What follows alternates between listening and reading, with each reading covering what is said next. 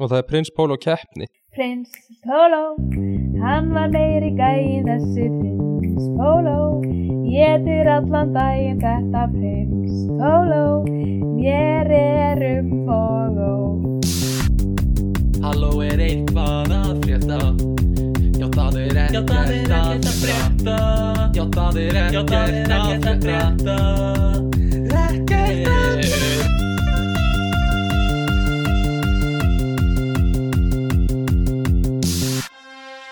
Halló, halló, halló uh, Velkomin í Nei, farið frá Því Guðmundur sjöundi af uh, Stokkólmi er hér mættur uh, Og með, við honum við, við honum við hlið honum við honum Er Júlía Sif með honum Af Gjögri Drottning af Gjögri Hvernig var þetta? Ok.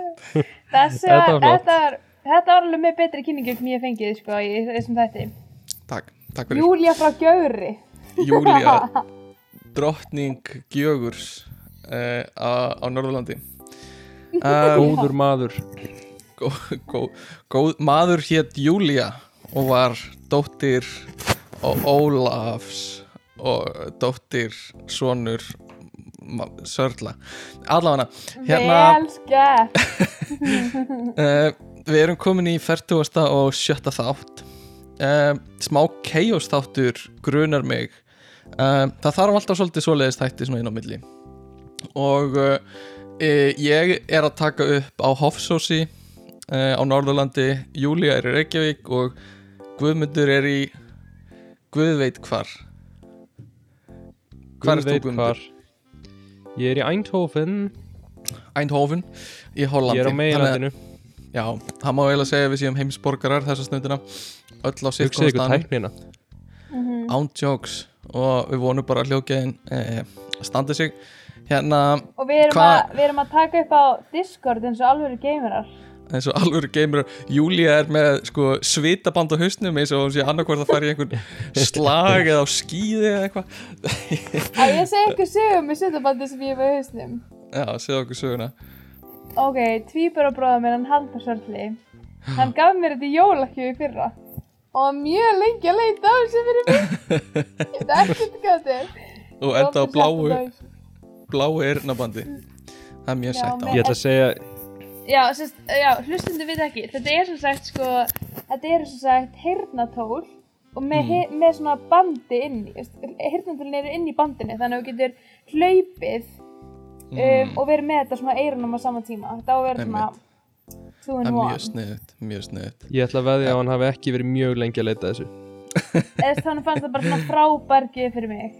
Já. Um, þú elskar að hlaupa. Frábær og já, og að hattar að vera kallt á eyrunum. Hérna, Já, sko uh, í síðasta þætti þá vorum við að tala um hræðslu og það var þugmyndi þín Júlía en þú náður ekki að vera með Já. í þættinum. Nei, Eh, ég veit það Ég var svo ótrúlega veik. Já, við hringdum meira þess að í þig en svo bara fokkaðist upptakan upp og, og það heyrðist ekkert í þér. Eða það voru einhverjum svona tröflanir þannig að við náðum ekki einu svona að hafa það. Uh, Ég það. er eigum við að tala um þessi við vorum að tala um þá, bara svona til að klára þá umræði Yes. Hanna- að því við spurðið þig sko, eh, þú varst með hvort að þú hefði verið með eitthvað fóbíur og eitthvað. Og hérna, Já, ég hef, ég hef sem sagt sko Já, þið voru að tala um fóbíunum mitt sko. Ég sem sagt sko um, Var með fóbíu fyrir flugi. Já einmitt, Og þetta var í alvörinni bara svona Eitthvað sem ég þurfti að yfirstíga sko. Mm og þú fórst á og námski gerði það já, eða sko ég fór valla sjálfvilju sko. Pappi minn bjóð út í út í, út í hérna Þýskalandi. Og við vorum ofta heimsækjan reglulega. Og þetta var orðið það slæmt sko. Ég gæti aldrei sofið svona viku svona vikuna fyrir flug að ég var svo stressi einmitt. Og, og svo hann að skráir hann á okkar flugræðslu námskeið hjá Íslandi og þú veist Nice. eins krinsið að hljómar þá virkaði það í alvörinu mjög vel þú mm veist, þú fóst í sálfræðitíma og svo fóstu bara þú veist, Já. þetta bæði sálfræðitími og svo var þetta líka bara svona þú veist, svona svona verklegt, þú ættir svona að æfa einhver svona tækni og svo varstu líka bara í svona fræðslutímum, þú veist, að læra hvernig flugular virka og svona, svo fórst, svo fór með svona flughermi og eitthvað, Mm, það var geggjað, sko. en, en þetta var ekki eitthvað sem, þú veist, þetta var svolítið áunin flughræsla, eða þú veist, þú varst ekki með hana frá, þú veist, frá að þú varst krakki, eða nei. ekki? Nei, þetta var sko, ég var bara að horfa á, þú veist, út af bíómyndum, þú veist, eins og ég var búin að horfa á Grey's. Anatomy og svo fór ég eins og við gumma á myndina hérna, hérna sem hann lendi í ánni hérna. Mm, já, Heitir Já. Flight uh, já, heitir hún Flight, það getur verið, já. Með Denzel Washington eða eitthvað sliðis. Já. Já, Sully, nei, með Tom Hanks, jú. Sully með Tom Hanks. Hvað heitir þetta Sully? Það Sully. Hún heitir það. ok. En, en þannig að þetta var 100% áunni hjá mér sko, þessi Mhm. fóbía. Já, einmitt. En þú, þú yfirstegst hana og átt ekkert, er auðvöld að fara í flug núna? Já, 100. Já. Eða, veist, ég elska ekki að vera í flugu, en ég sé hann svo engill alla daga fyrir og veist, ég er bara fyrir flugu og bara búin með þess, þetta er bara, er bara svona rútína, skilu. Að- ég elskar enginn að vera í bíl að keira í einmitt. skilu. Ég man ekki alveg, var ekki eitthvað annað, eitthvað svona sem pyrraði eða eitthvað sem við ætlum að tala um líka, sem við mistum af. Manstu eftir því? Nei, Nei. Uh, en hérna, Gummi, þú skellti þig til Hollands, var það ekki? Já, jú, jú Jú, jú, Ég er á svona Hann- ákveðinu heimsreis Ég er að elda rauðusvæðin í Evrópu núna ég skil, ég skil. En þá já, já, Ísland er náttúrulega raukt sveði akkurat núna, sko. sí, Þá kem ég að- tilbaka þetta er náttúrulega, ég veit ekki hvað, það væri maður að segja ykkur það. Hvað? Það er komin aftur motherfucking grímuskylda í vinnuna mína. Já, úff, og ert ekki ein Ángríns, bara? Ég, ég er bara ein á hæðinu og það er bara grímuskylda. Já, einmitt. Allir í sumafrí. Úff, það er ekki gott maður uh, Gummi, hvernig var flugið þitt út? Hvernig er Holland akkurat núna? Hörðu, flugið er bara fínt og Holland er bara, bara nokkuð gott Já. Það er ekkert hérna, það er langt síðan ég hef verið í Holland og það verið lítið af takmerkunum þrátt fyrir að Mm. það sé allt í steik þannig að svona akkurat núna er ég ekki að upplifa neinar já, neina breytingu frá lífinu það er ekki grímuskyldaðan einstæðar og eitthvað svona en Nei, sjáum hvernig það fer já. Þetta er leiðind Sko, að tala það, það verður að vera Já. eins ástæðan þegar ég kem út. Ég er bara, ég er búin að bara byggja til Guðs um að það verði það ennþá. Já Þetta er, ég, þetta er svo leiðilegt að tala um þetta. Ég veit ekki hvað ég nenni að tala um svona að því, maður hjælt að eftir bólusetningu þá væri, þetta búið, skilur og ég veit Já, ekki já. hvað gerist núna. Þannig að, en ég, einmitt, ég Ég- er með pælingu. Já, pældu. Bara áður en við hættum að tala um þetta. Mm, sko ef að núna kemur í ljós að bólusetningin bara, hún það er ekki nógu góð vörn. Já, Hva, hvað er næsta mælstón? Hvað þú veist, e- eftir hverju munum við þá vera að býða erum við að horfa á takmarkanir bara út lífið eða erum við að fara að þróa eitthvað annað bóluefni eða erum við bara að hætta? en það er bara eins og ég var að hugsa eins og með, þú veist, influensuna, það verða allir veikir sem fá hana, mm, Og þú veist, þú ert, alveg að fara að fá hana ef þú fáir bólusetningu líka. já, já, ég veit ekki sko. Þannig Ég að- bara get ekki sagt bara til að það er bara allt einhvern veginn opið eins og er sko um, En burt sér frá því þá hérna En ég skal ég, tala um eitthvað skemmt. Já. Já, sk- tala um eitthvað skemmtilegt Júli ætla bara að byrja eitthvað umræðefni Já, ég er bara að hætta þetta. Já, ég skal segja eitthvað skemmtilegt. Ég hérna er á fullu að leita mér að íbúðum og ég er sem sagt búin að bóka gumma í svona íbúðar skoðun á morgun hjá einhverju konu. Nei En spennandi Ég er að fara í þryggja Ég er að fara í þryggja klukkutíma ferðalag til að hitta eina mannesku og skoða Ok. íbúð í, Delft. Vá. Mjög spennandi. Uh, það er og, einmitt, talandi um Delft. Já, þá er Delft náttúrulega fræg konungsborg. Sem er býtuð ég krek með eitthvað vesena krekkur með smá Við erum að nota eitthvað eitthvað drast sem heitir krek á Discord. Til að taka Gat verið að krek fær að tala. Og já er, eh, við, sko þetta sem við erum að nota til að taka hana þáttu upp er hérna er bara við, við öllum einhverjum með okkur símtalið bara einhverju drasli sem við vitum ekkert hvað heit er og það heitir crack og það er bara eins og við séum að adda bara einhverjum einhverju fólki út í bæ sem er að hlusta á samtalið okkar og er að taka það upp fyrir okkur en hvað segir Getur hann Þú varst- klift? Já. þú varst að segja eitthvað Ég var að segja að Delft var einmitt svona eina af þessum gömlu konungsborgum hérna í Hollandi. Mm, og þess vegna er allt úr þess vegna er allt úr gulli. í Delft. Já, einmitt. Og þetta var svona, þetta var svona tilraunum mín í ákveði svona transition ferli. Já, ég ætlaði reyndar uh, ég meina mjög óáhugaverða sögu. Vil ég heyra mjög óáhugaverða sögu frá mér? Já, uh, Já, Já, Uh, þetta voru akkurat viðbröðin sem ég var að búast við uh, Já, ég kom hérna á Hofsós og uh, er búið að vera í miklu baráttu við að, að hérna, drepa flugur. Ég vona að þessi engin svona uh, ofsa dýra vernduna sinni að hlusta okkur.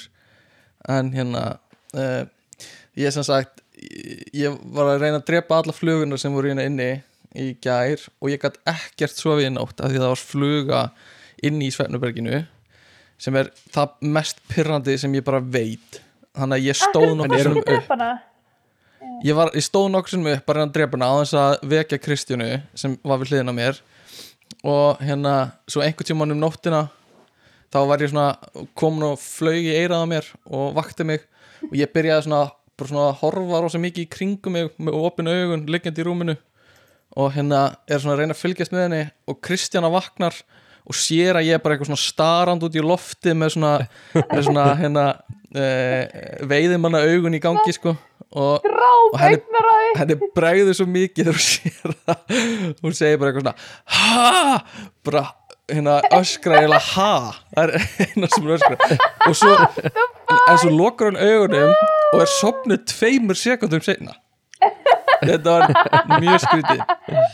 Uh, en ég náði Ah, loksins að drepa hana klukkan átta í morgun. Og þá sopnaði ég. En er erum við að tala um lúsmíða? nei, bara feita svona húsflug hlussu sko. Já, bara góð Ég ætti að vera fiskiflug. bara að segja hunangsflugi nei, ég myndi nú leifa hunangsflugun að Hunangsflug að fljúa um. Ég er mikill Já. hunangsflugu maður sko. Já. þannig að þetta, þetta var óáhugaverða sagan mín í, í þessa vikuna Herri, ég skal segja hérna- ykkur aðra óverða sögu. Ógeðslega til já. Ok, sýsti mín var sem sagt núna á Ítalíu Mm. og hún er sem sagt ég var að gifta sig óvænt en var búin að segja mér að hún væri að gifta sig. Þannig ég var svona með undirbúningnum að passa Mhm. kjólinn og lalla. Ok, og, og svo sem sagt finnum við æðislega hann kjól á netinu. Hann er bara ógeðslega fallegur kostar enda Mm. smá mikið en þetta er bara fallegasti kjól sem ég sé.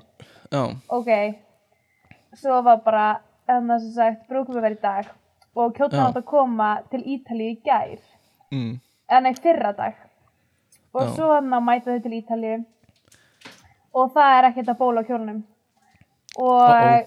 þau- þau vita ekkert hvað hann er. Og það er bara búið að ræsa út heilt lið bara.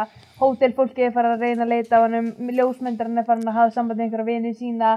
La la la la bara endalist af fólki að leita að þessum fokkin kjól já, Ok, svo í dag, sagt, brúkum var kljóðan þrjú og í allan morgun voru, sem sagt, var hérna hótelstýrans að reyna að ná í kjólinn og bara losa hann út fyrir og bara kyrði eitthvað ótrúlega langt að sækja hennar kjól.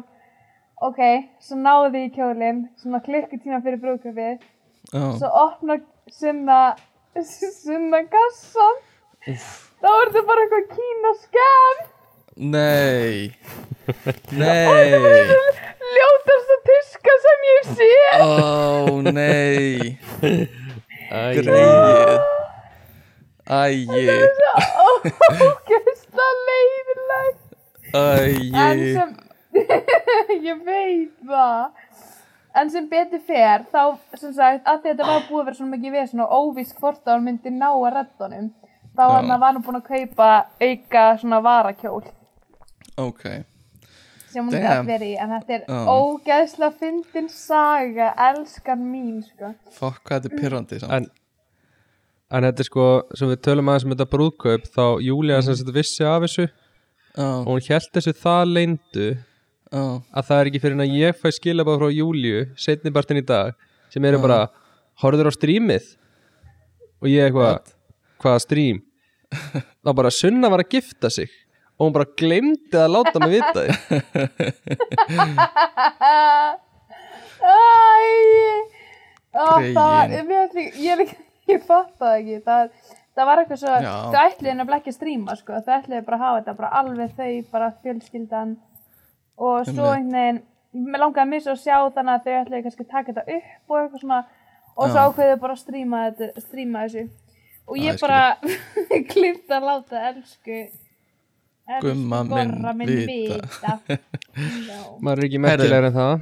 Nei, hel, heldur betur ekki. Glendi líka að láta mig vita. Ég hefði viljað mæta á strímið uh, Já. En uh, Rauðminn dagsins í dag er uh, einstök Whitedale ah, einstök. Og styrtaræðil þáttarins í dag eru sumarbústaðaferðir fara upp í sumarbústað með vinu sínum. Ferðir. Sumabústaður. já, Takk fyrir mig. Frábært Æjæjæj, ég veit ekki alveg Já, sko, en ef við færum okkur yfir í umræðum þáttarins í dag Sko, ég vil taka það fram. Mm, Ég hef Ég veit ekki af hverju ég valdi þetta efni. Þetta er einhvern veginn bara svona uh, uh, Þú veist, ég hef engan sérstakann áhuga á þessu. Ég hef, þú veist, ég hef engan sérstakann þekkingu á þessu. Um, En bara svona Ég hefði getað valið eitthvað allt annað og ég fattaði það bara áðan. Bara, ég, ég, ég er svona já, þetta, þetta heilla mig rosa lítið en það er semst er bara, og ég vona Já, að þetta sé gott intro. já, ég vona að þetta sé að hvetja fólk til að halda áfram að hlusta. Uh, en það er svona, já, konga, kongafólk um, þetta er Sko, þú ert ekki náðu að selja þetta náðu vel. selja þetta nú vel hann bara ekkert að selja þetta ekki fannst þetta ekki góð sölur eða hjá mér um, en hérna uh, þú veist, jú, jú, þetta gæti alveg verið gaman uh, kongar, þetta er rosa steikt Sko- pæling svona konungsfjölskyldu dót, sko Passið Um, finnst mér þetta sko styrla áhugavert. er það? Ég, ég myndi alveg hlaupa að horfa á fólk sem væri um kongafólk, sko. Já. 100% myndi ég hlusta hann. Ég svona, ég get alveg séð að þetta gæti orðið áhugavert uh, en svona ok, við sjáum, við sjáum hvernig þetta þróast. Um, en, en já, þetta er rosa steikt dæmi þetta, þú veist uh, að, að einn ráði einhvern veginn yfir öllu. Um, það, ég held að þetta þróist sko frá því að við erum hérna svona veiðimenn og safnarar samfélag þar sem þú veist það er ekkit endilega mikið af einhverjum hjúts svona stórum samfélagum að myndast þetta er meira bara einhverjum svona hópar af fólki. Uh, en svo fyrir við að geta beisla náttúruna með sko landbúnaði og, og rækta rækta landið okkar. Og þá er þú veist þá er einhver sem næra kannski sapna meira en einhver annar. Það er uppskýrubrestur á næsta bæ eitthvað og, og það er einhver bæ eða einhver sem ná að sapna einhverju forða og, og hérna þú veist geta þá nota völdin sín sem þeir hafa yfir einhverjum uppskýrubresti til að sapna til sín meiri völdum og, og hérna þeir verða svona ráðandi og, og þú veist svo koma einhverjum svona herir inn í þetta sem fara að- vinna einhverja aðra þú veist, ef það er komin einhver stór uh, einhver svona stór höfðingi einhver staðar þá er það að fara að ógna einhverjum höfðingjum einhver staðar annar staðar og þá hérna þá er, er ráðist á það sko. Og oft, þú veist oft er kannski hótað í gamla daga, þú veist, þá sagt e, ég ræðist á þig nema þú e, gangir til liðs við mig. Og þá, þú veist gengur hann inn í konungsríki hjá einhverju öðru fólki og þannig svona þróast það áfram. Uh, og þú veist, það verður einhver svona leiðtogi til sem hérna bara þann á meiri pening en aðrir þá einhvern veginn á hann réttin á því að vera aðal kallinn og uh, Á eitthvað yfir öðrum sem aðrir hafa ekki. já, og svo þú veist einhvern veginn af því hann á svona mikið þá fær hann meira, þetta er bara það sem við þekkjum úr kapitalismanum í dag. Um, sem er er- svona er þetta og er svo verður hérna hvað Hvað Ó, er hægt nice. að er hægt að hérna gæti maður einhvern veginn náða að verða kongur í dag Já, það það er mjög áhugaverð pæling sko. ég væri ég væri alveg til í að fá konga á Ísland sko. Mér finnst Ég það var að bara meira kalla við það getum- kassana í vinnunni. Já, Ég sagði þá að eftir 20 ár þá sjáum við mig sem drottningu á Íslands. Já, já, já ég get alveg séð það sko. Ég, ég væri alveg til það, mér finnst það bara meira töff heldur en fórseti af því, þú veist, Já. núna eru langflestir langflestar konungsfjölskyldur það sem er kallað sko constitutional royal families þú veist, sem þýðir basically að, að það er stjórnaskrá og það er þú veist, eitthvað svona þing og sem ræður öllu og þau eru bara einhverju svona einhverju svona trúðar sem, sem sitja í einhverju kastala. Þannig að akkur ekki bara byggja alvöru höll á Íslandi og setja bara einhvern sem heitir kongur í staðan fyrir forseta. Það er bara að meira töff. Og þú veist, við þurfum ekki eða peningum í að kjósa á fjórar ára fresti. Þú veist, við getum bara leift börnunum hans að taka við eða hennar. Nei, að- mér finnst, mér finnst Já, myndur þú vilja kjósa fors, nei, kong? Sko Mér finnst erfitt að þetta sé svona ættar dæmi, mér finnst það flókið. Já, Þa, það er svona það sem, það sem tekur líka við sko þegar fólki er þú veist, á fyrir löngu síðan fyrir, þú veist, kristspur þegar, þegar það eru einhver svona konungsríkja þróast, er að þú veist þetta, tekur þú veist, erfingi tekur við. Og það er eitthvað sem er bara ennþá í dag eitthvað svona þú veist, smá áhugaverða Bara pælingar. Hvað segirðu? Bara svona eins og í samherja Já, já, í rauninni, það má eiginlega segja það að, að samherji sé svona eitthvað eitthvað svona illt konungsríki á Íslandi.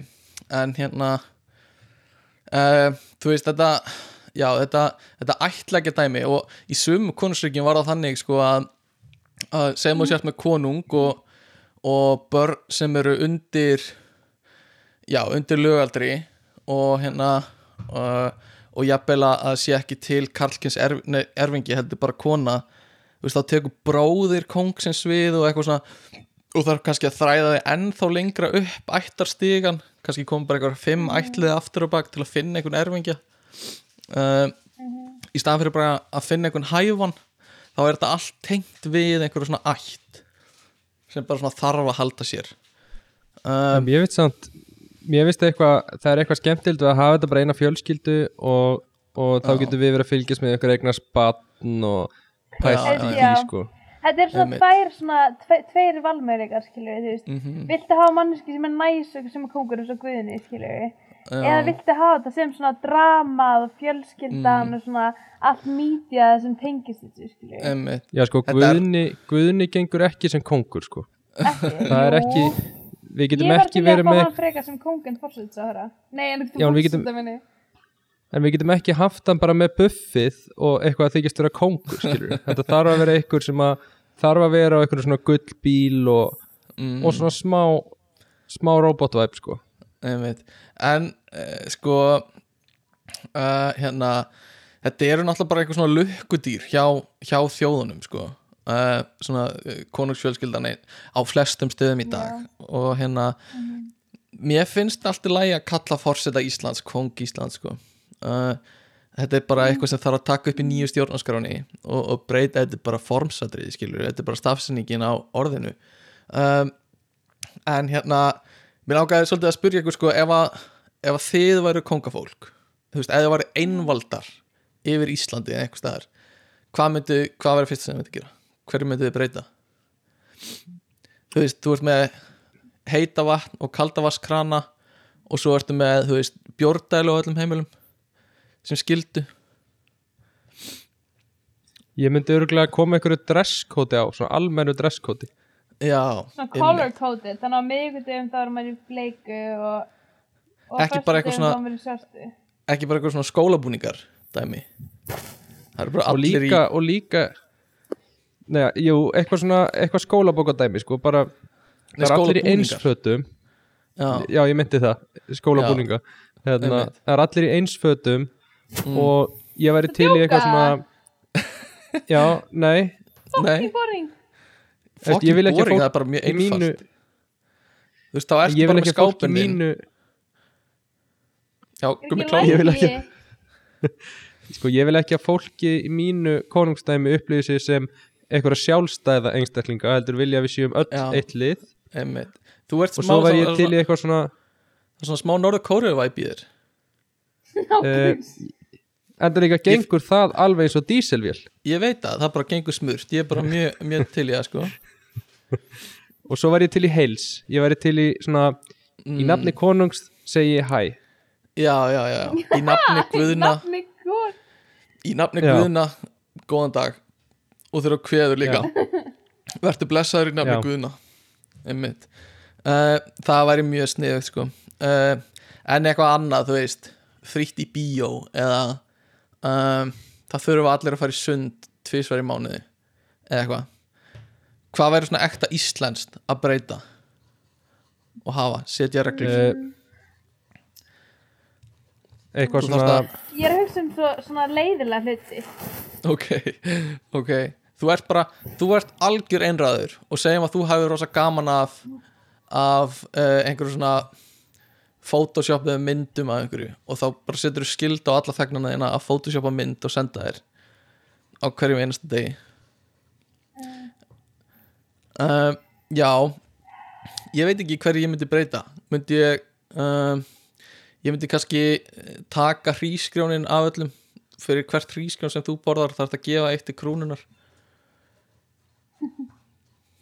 já, er það hvað var ég hugsunum bak við það ég veit það ekki, bara eh, mér langar bara hrísgrjón fyrir mig sko um, en Ég hérna myndi hafa svona, ég myndi hafa svona þannig að þú veist að það fá allir að borða, skilur það borða bara allir einn mat og fá allir Mm. sama úrvalið og það er bara nice. fokkinguðu matur sem allir fá að borða.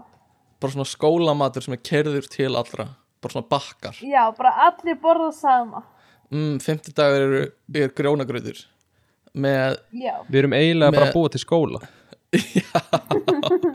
já, og það eru fríminótur alltaf klukkan 10.45 til 11.25 þá fara bara Oh allir út God, það verð vinnunni- bannað að vera inni Já, Mhm. allir sem eru vinnandi fá frímínútur. já, og þeir þurfa að fara út, Þú þeir megi ekki verður bara að fara út, þú verður bara að fara að Já. leika þér. já, já, Halda, okay. halda barnin í fólkinni. já, já. Um, sko, svona, svona stærsta konungsfjölskyldan sem er í gangi núna sem svona flestir vita af er, er breska konungsfjölskyldan. Og hérna mm, Elisabeth, vinkona mín drottningin, hún hún er uh, hún er bara drottning yfir bara fullt af einhverjum löndum ennþá. Þú veist, Ástralíu og Kanada og eitthvað svona, hún er ennþá drottning þar Er veist, þau- Elisabeth Bretadrottning drottning yfir Ástralíu? mm og bara fullt af Nei. einhver svona nýlendum jú, þegar þeir fengu mikið af þessu, ríkjum fekk sjálfstæði þá var bara skilir þig að, að Elisabeth fengi að vera áfram eða, að breyta krúnin fengi áfram að vera yfir sko.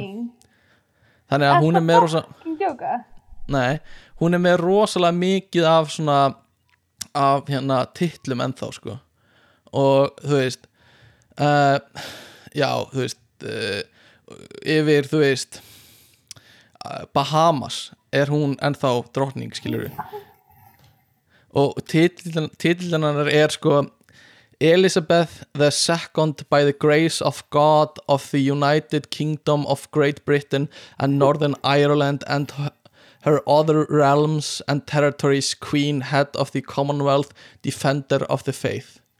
Þetta er titillennar Sér, sko. finnst þetta svo fucked up, sko. þetta og er hérna bara einhver gömul kona Já, og, og þú veist, titillennar er breytilegur eftir löndum sko, eins og í Kanada þá er hún sko Er hún drottning yfir Kanada?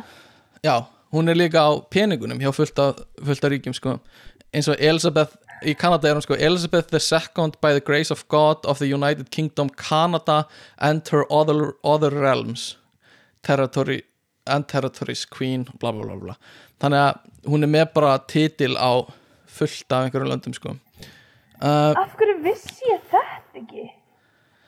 uh, ég, þú veist að því þetta skiptir einhver máli þú veist, þetta er bara Jú, af því hérna, að þetta er svona, mér finnst þetta skipta miklu máli, af því að þetta er svona, þú veist, þetta er ekki svona unæta þjóðina, skilju. Þetta er svona eitthvað svona sem að er, þú veist, eins og hún sé yfir aðrar þjóðir líka, eða svona, mér finnst þetta já. ókvæmst skrítið, sko. Þetta er ekki svona saminleika þá.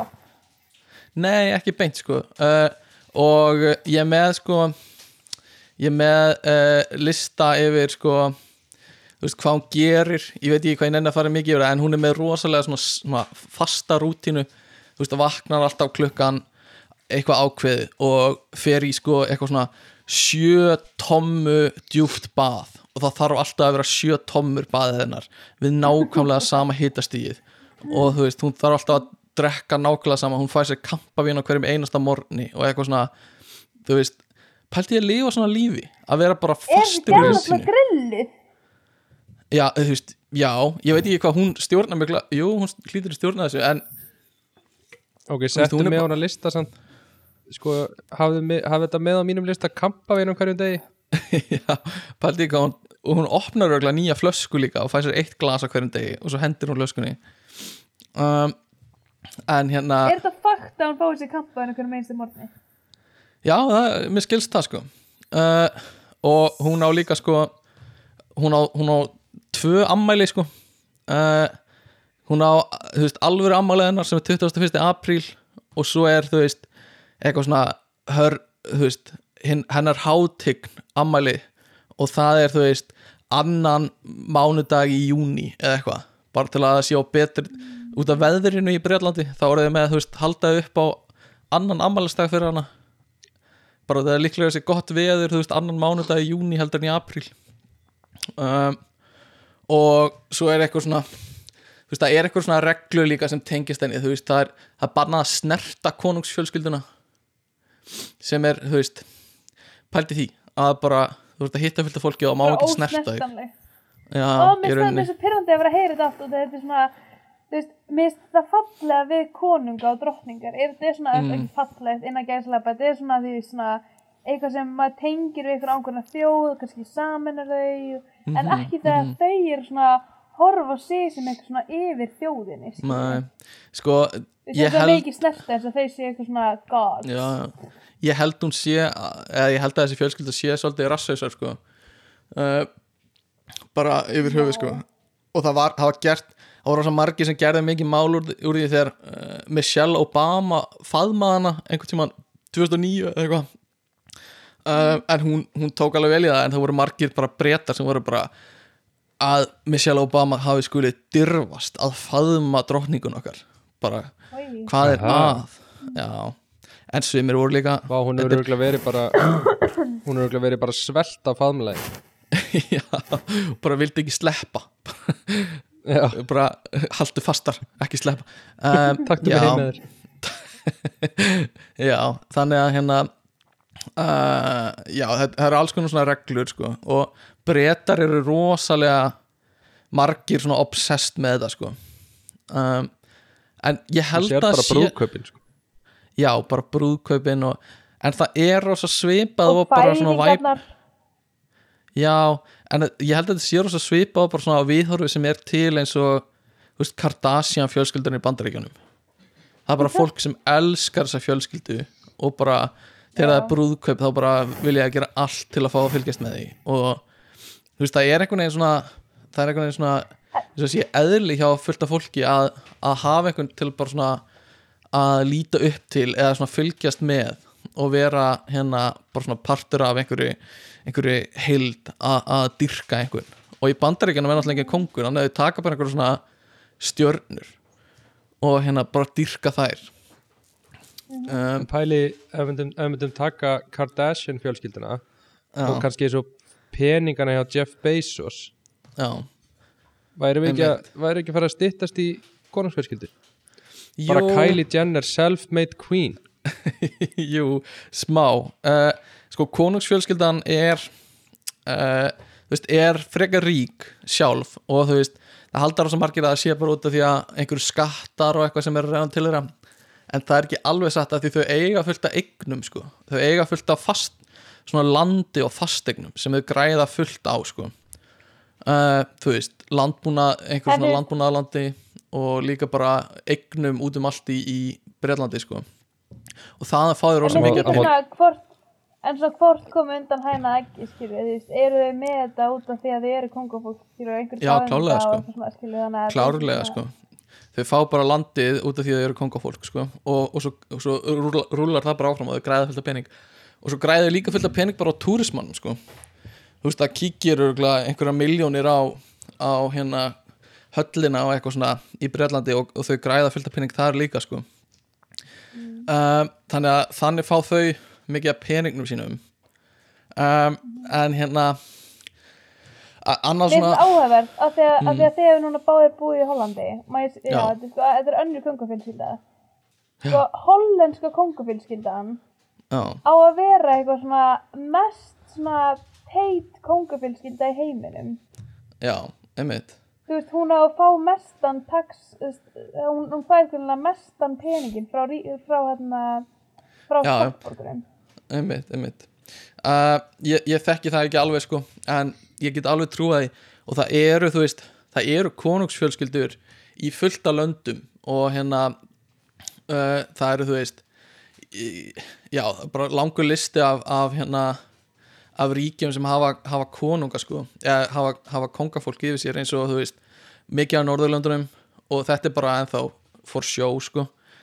Og hérna mikið í Evrópu, mikið í Asíu líka. Þú veist, Japan er ennþá með keisarana sína.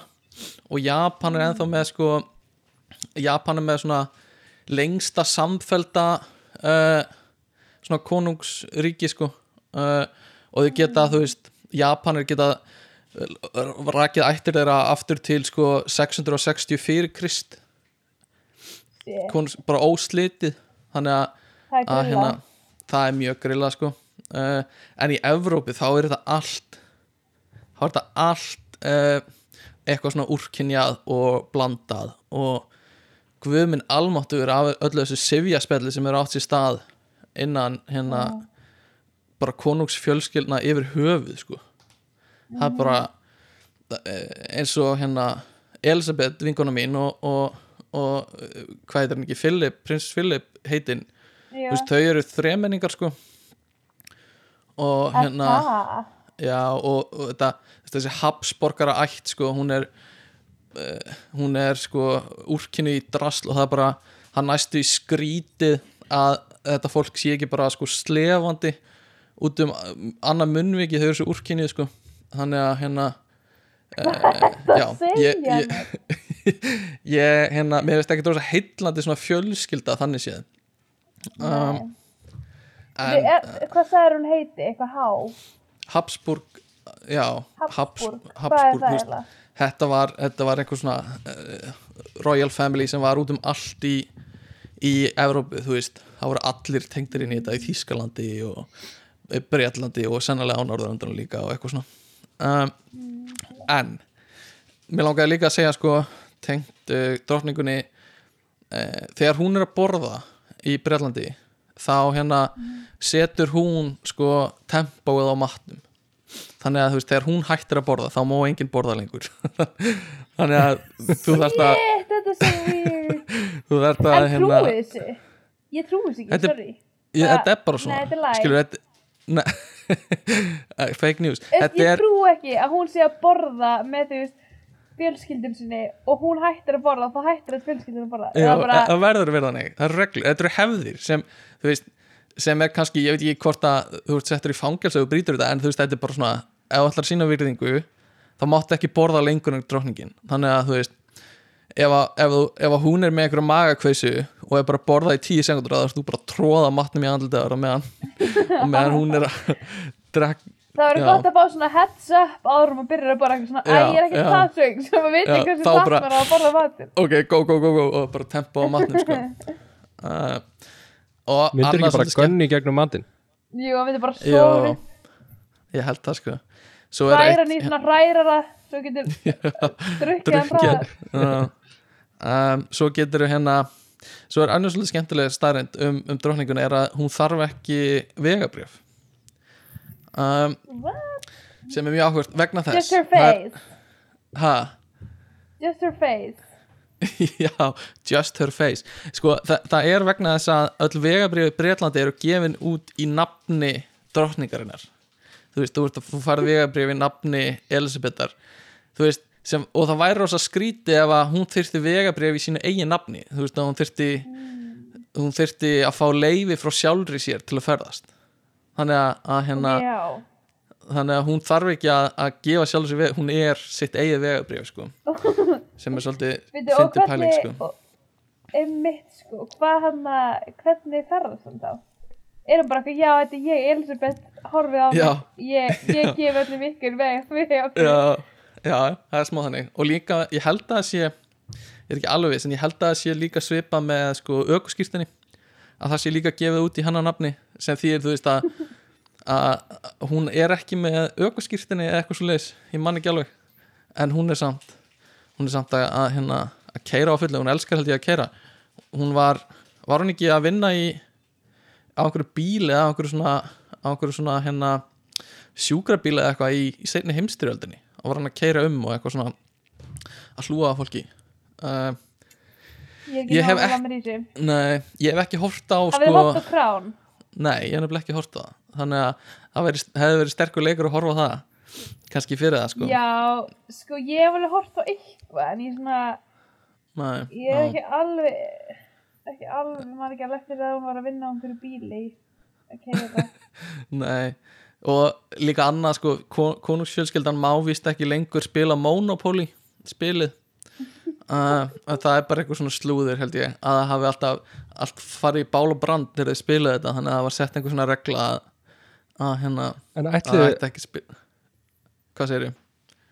ætliðu, ætliðu spili samt? Þú veist, sérðu fyrir þér bara eitthvað bara eitthvað Kall Bretapins og, og Elisabeth og Vilhjálmur heldur, sérðu fyrir þér bara að sitja við eitthvað lítið borð í höllinni?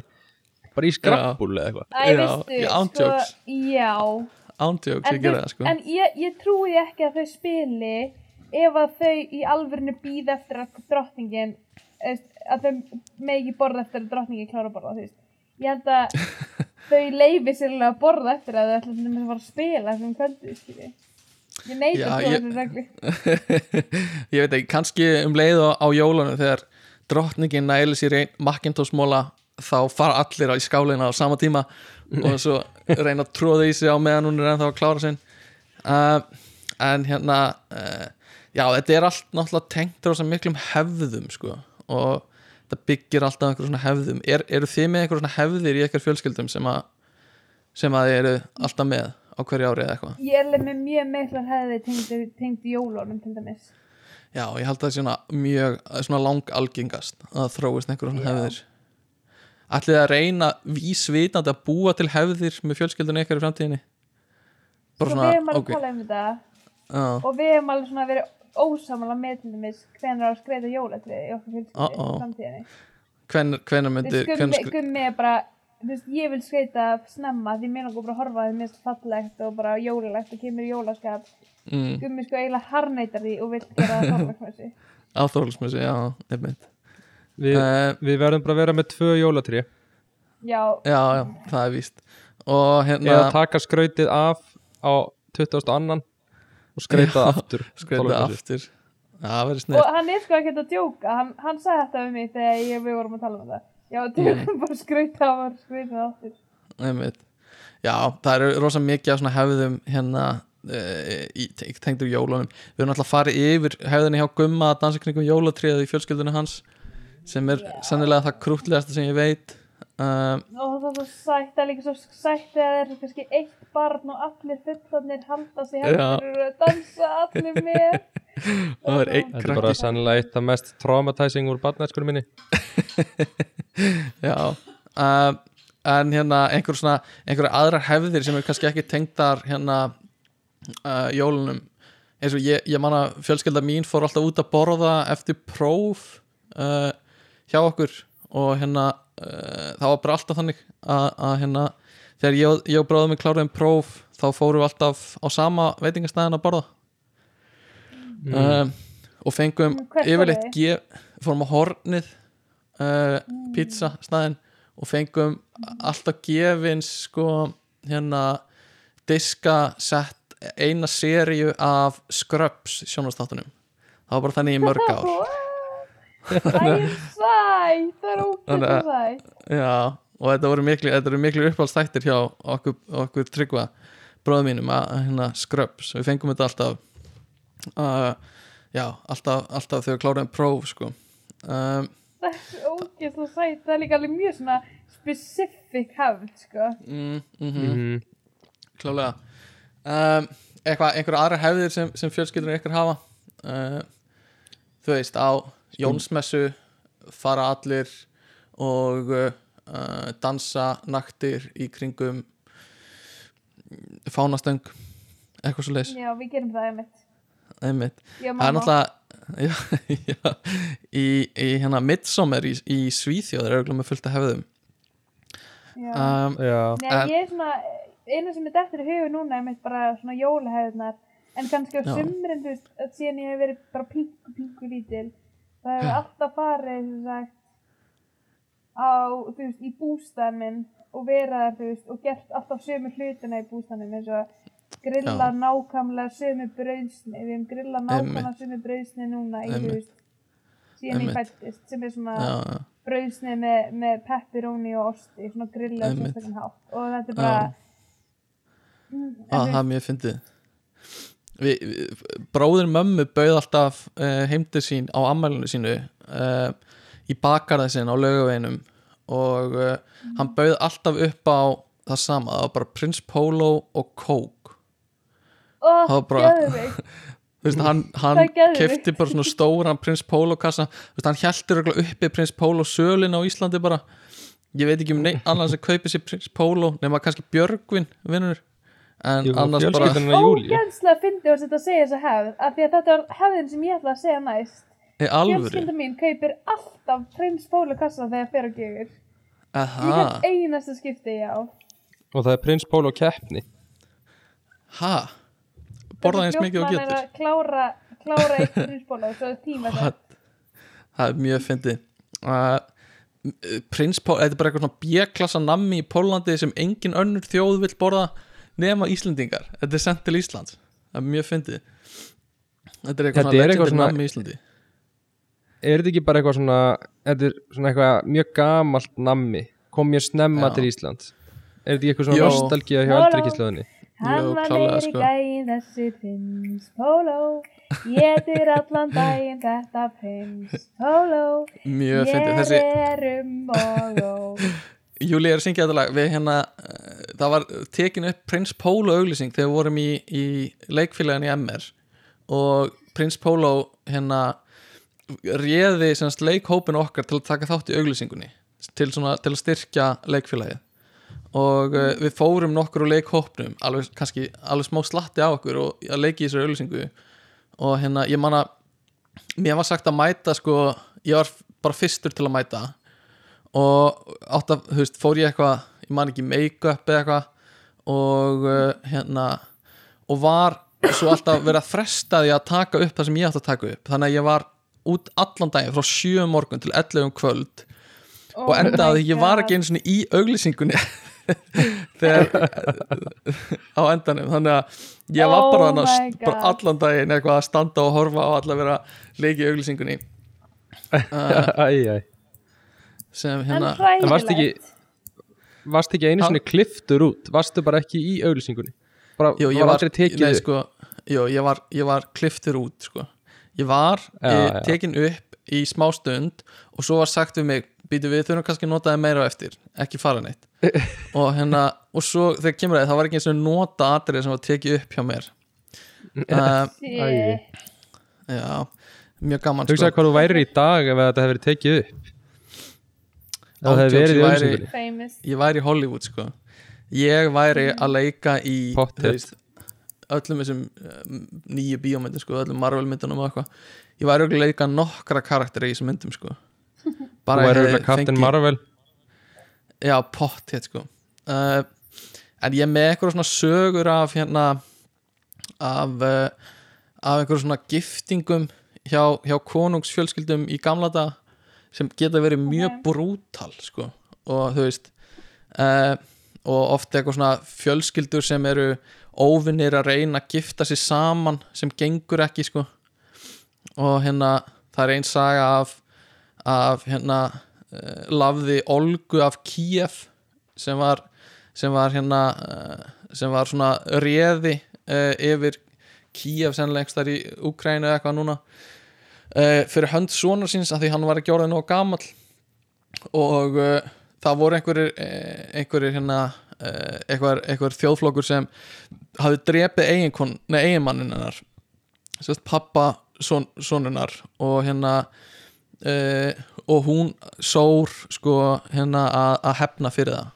Og hérna okay. þessi, þessi þjóðflokkur sem heitir Drevilians Dre- Drevilians, ég hef aldrei heyrt þetta en Drevílían Já, uh, þeir vildu að, að hún, þessi Olga giftist prinsinum hjá þeim og gerði og myndi þannig gera prins að kongi í, í ríkinu sem er ansi mikið svona ballsy move að drepa eiginmannin og búast svo við að prinsin geti gifst inn í fjölskylduna. Er, og orðið kóngurinn. Já, þetta er svona eins og samherji er að gera.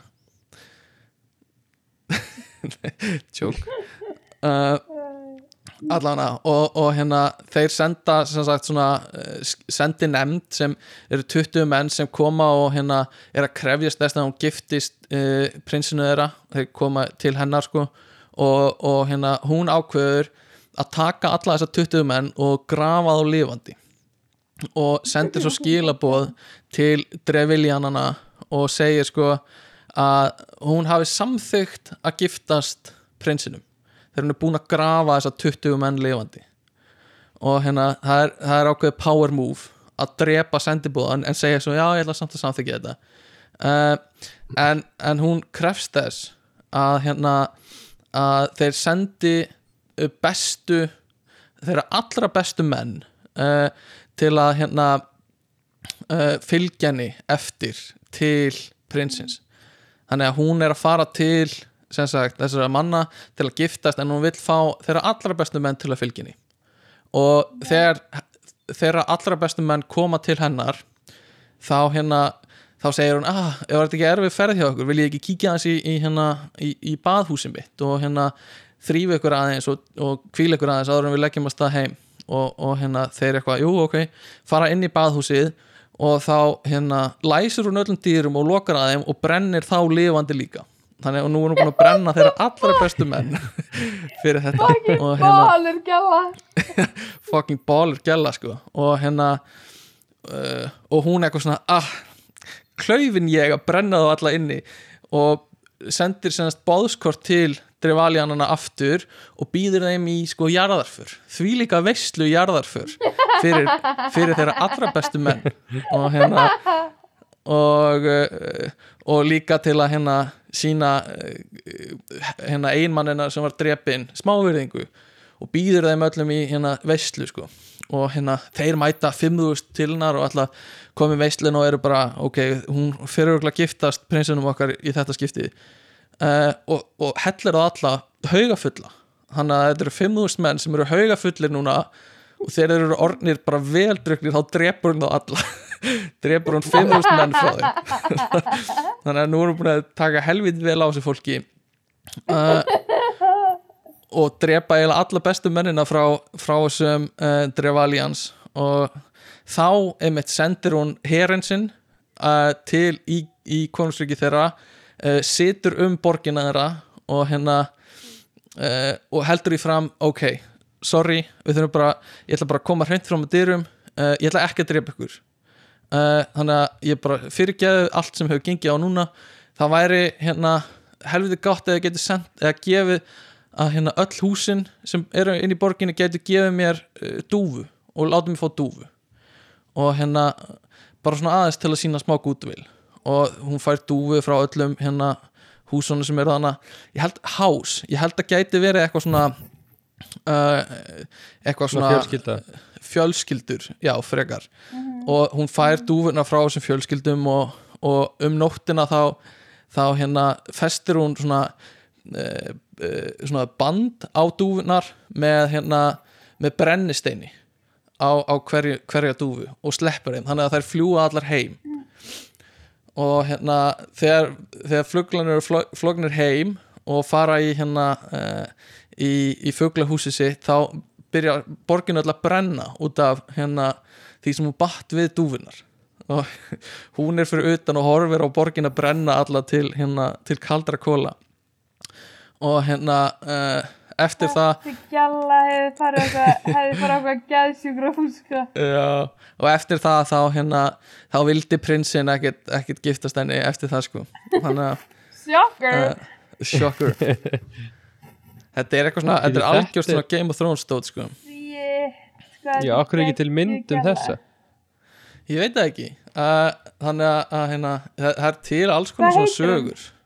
Hún heitir sko eh, Saint Olga of Kiev og var svona kon, eh, drottning eh, og réði á meðan sonur hennar var of ungur sko. Um, Já, ok. já. En, eh, 969 AD. já, 969 um, en hérna svo, þú veist, það eru það eru þessi hérna þessi höfðingjar Herri, nei, á ég að segja ykkur svolítið? já, Þarna, uh, Cersei er inspiration af henni. Cersei, já, það kemur bara ekkert Thrones. Cersei í Game of Thrones það bara, það bara hljómar Cersei mjög Lannister. sannlega mm Er literally bara, ma- munið þegar hún brendi borgina, -hmm. þetta er örugglega að vísa í það. pottið sko. Um, en, en það er það er hérna já, það er til alls konar svona sögur. En hérna uh, vikinganir voru náttúrulega helviti segir á sínu tíma og þeir voru ekkert að veist, þeir voru bara að ráðast á og hérna taka lönd sko, þeir voru ekki mikið að að vera einhverju svona stór bændur sem, sem afla sér einhverja valda í gegnum, gegnum peninga held ég ég held að þeir voru meira Þannig bara svona að sigla um hver, hver er skoðan ykkur á vikingum? Töffarar eða ég er nöðgarar? ég er náttúrulega að deyta einn. Jú, jú. viking Er, er, eru minn- vikingar samt ekki smá viking. cancelled? Þú veist, þeir, þetta eru náttúrulega bara nöðgarar og, og hérna og þrælahaldarar og, og bara svona bara svona leðileg gæjar sko. Þú veist, þeir bara mæta Já. heimtíðin og bara eðilegja allt og er bara drullu sama. En ég meina hvaða konungur er ekki cancelled samt? Já, það er góð, góð punktur sko. Það er mjög góð punktur. Um, við þurfum bara að opna umræðina og cancela öllu þessu fólki sko, svona aftur í tíman Ef ekki Veitu bara held- þáttinn ég hérna. held, ok, ég kom með kenningu. Munum af vikingum og konungsfólki vikingar gerðu hlutina sjálfur og drápu fólk og meðan konungsfólk réði annað fólki að gera það fyrir sig Já, það það, það meikar alveg senn sko Víkingar líka bara er ekkert þeir eru ekkert, þú veist þetta var, þeir voru bara þetta ógeðslega erfitt líf hjá þeim þetta var eitthvað ekki Mm. þetta er ekkert næs líf bara búið Nei. eitthvað sem er kallt og þetta er bara, þú veist, skítugir og Já, já. eitthvað þú veist, það er akkur okkur um hotnum og hvað Ég held ekki nenni að lifa eins og víkingur. Ég held að allir á þessum tíma hafi verið frekar skítu í sko. Um, eins og einhverju kongar sem fóru bara bað að þegar ég ímynda mér vikinga og konungsfólk. Þá er ég ímynda mér Já. þetta sko fólk frá að geta mismunandi öldum. Ég er að ímynda Já, mér já. þessu konungsfólk með postulín sett og svo vikinga að drekka á hotnum skilji Já, já, einmitt, einmitt. Klálega sko. Uh, en, en eins og ég var að tala um áðan sko þá er í eiginlega öllum svona helstu konungsfjölskyldunum mikið um, um hérna þú veist að giftast innan fjölskyldu og, og sefja spell og, og sem sagt, ég held að hann hafi verið í Egiptalandi eitthvað sem heitir King Tut og sem er bara svona eitt frægasta dæmið og það var, þú veist, ég held að líkansleifanir hans hafi verið grafnur upp og þú veist, hann er svo illa úrkynjaður þessi, þessi kongur sko og ég held að hann hafi dáið bara frekar ungur en hérna, veist, hann var bara hann var bara hérna uh, illa afmyndaður og, og beinin hans voru all skökk og þú veist, bara út af því að, að hérna uh, mögulega af því af einhverju sjúkdómum en líka bara, þú veist, maður getur alveg ímynd sér að það sé út af einhverju svona incesti sko. Og uh, í Egiptalandi var mjög rík hefð að giftast innan fjölskyldu. Og sama líka bara í Hawaii skilst mér að konganir í, að, að, að konungsfjölskyldan í þessum miðjarhafsegjum, nei í Kyrrahafsegjónum svo í Hawaii voru bara bara að giftast innan fjölskyldur sko. Og svo er þetta ástralsk, ástralska Habsburgs ættin sem við vorum að tala um áðan sko, hún, þú veist, það eru bara, eru bara sjúkdómar sem eru bara tengdir við þessi fjölskyldu af því, af því þú veist, hún er svo úrkynnið sko. Þetta er Og bara svo hérna- hundaræktunin. Nefnum bara í fólk algjörlega, algjörlega sko og konungsfjölskyldunar hafa náttúrulega líka bara verið þekktar fyrir að, að afmynda hunda líka sko. Og hérna bara er ekki, ég man ekki einhver svona pugs Það eða er já, eitthvað svo leið sem Jú. eru bara sem eru bara innræktaðir hundar sko. Uh, hundurinn minn er, er einmitt hundurinn minn gamli hann Já. er einmitt úr bresku heyrðfjölskyldinni já, og það var eitthvað svona eitthvað tíman heyrði að það var eitthvað svona það var eini hundurinn, eina hundategundur sem átti fyrir lest eða eitthvað. Einhver svona reglur sem voru bara með þessa tegund. Ó, hvað það fyndið.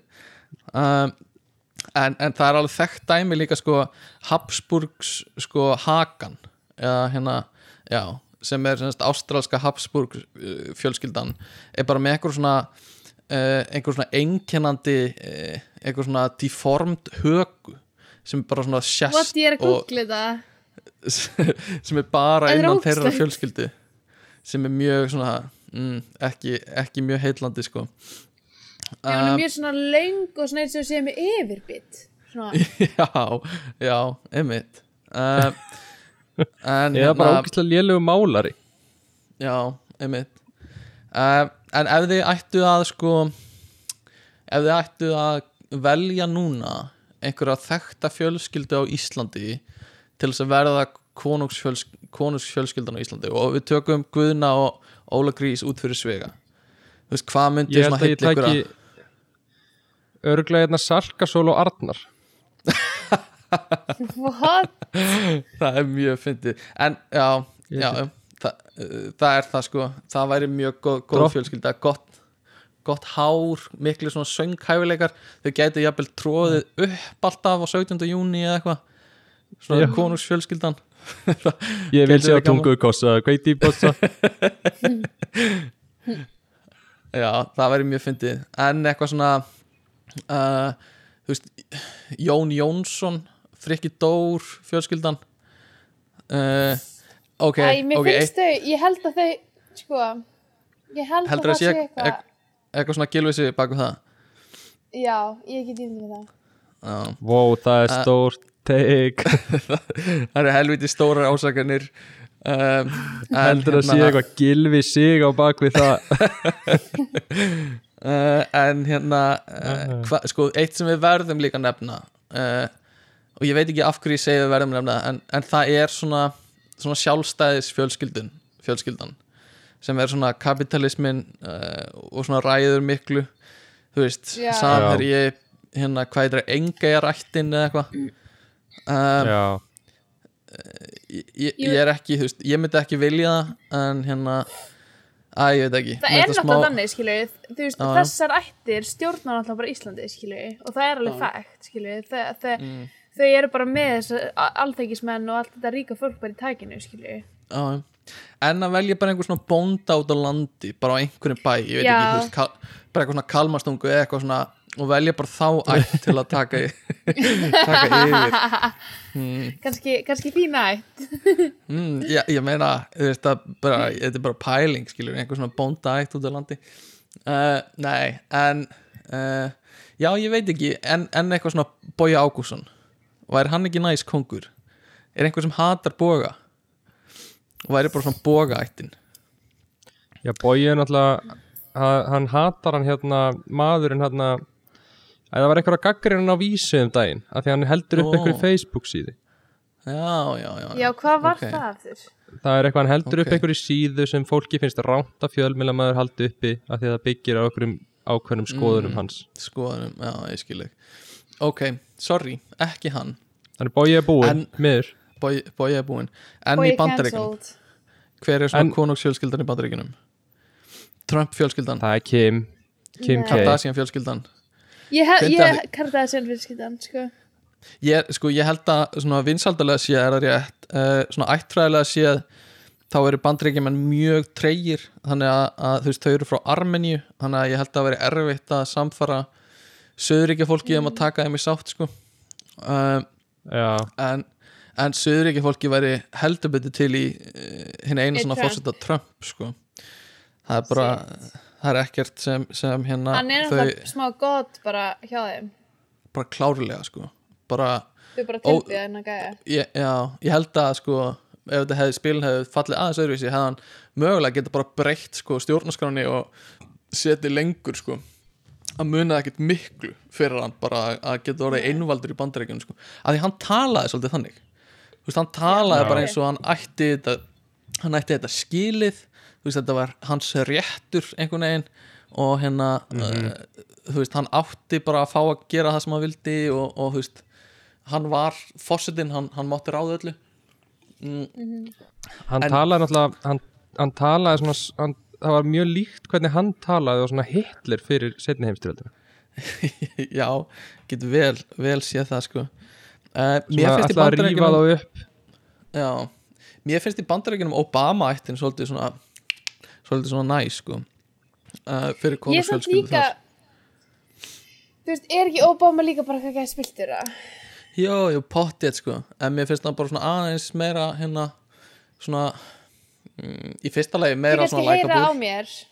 Já, Mm. 100 p.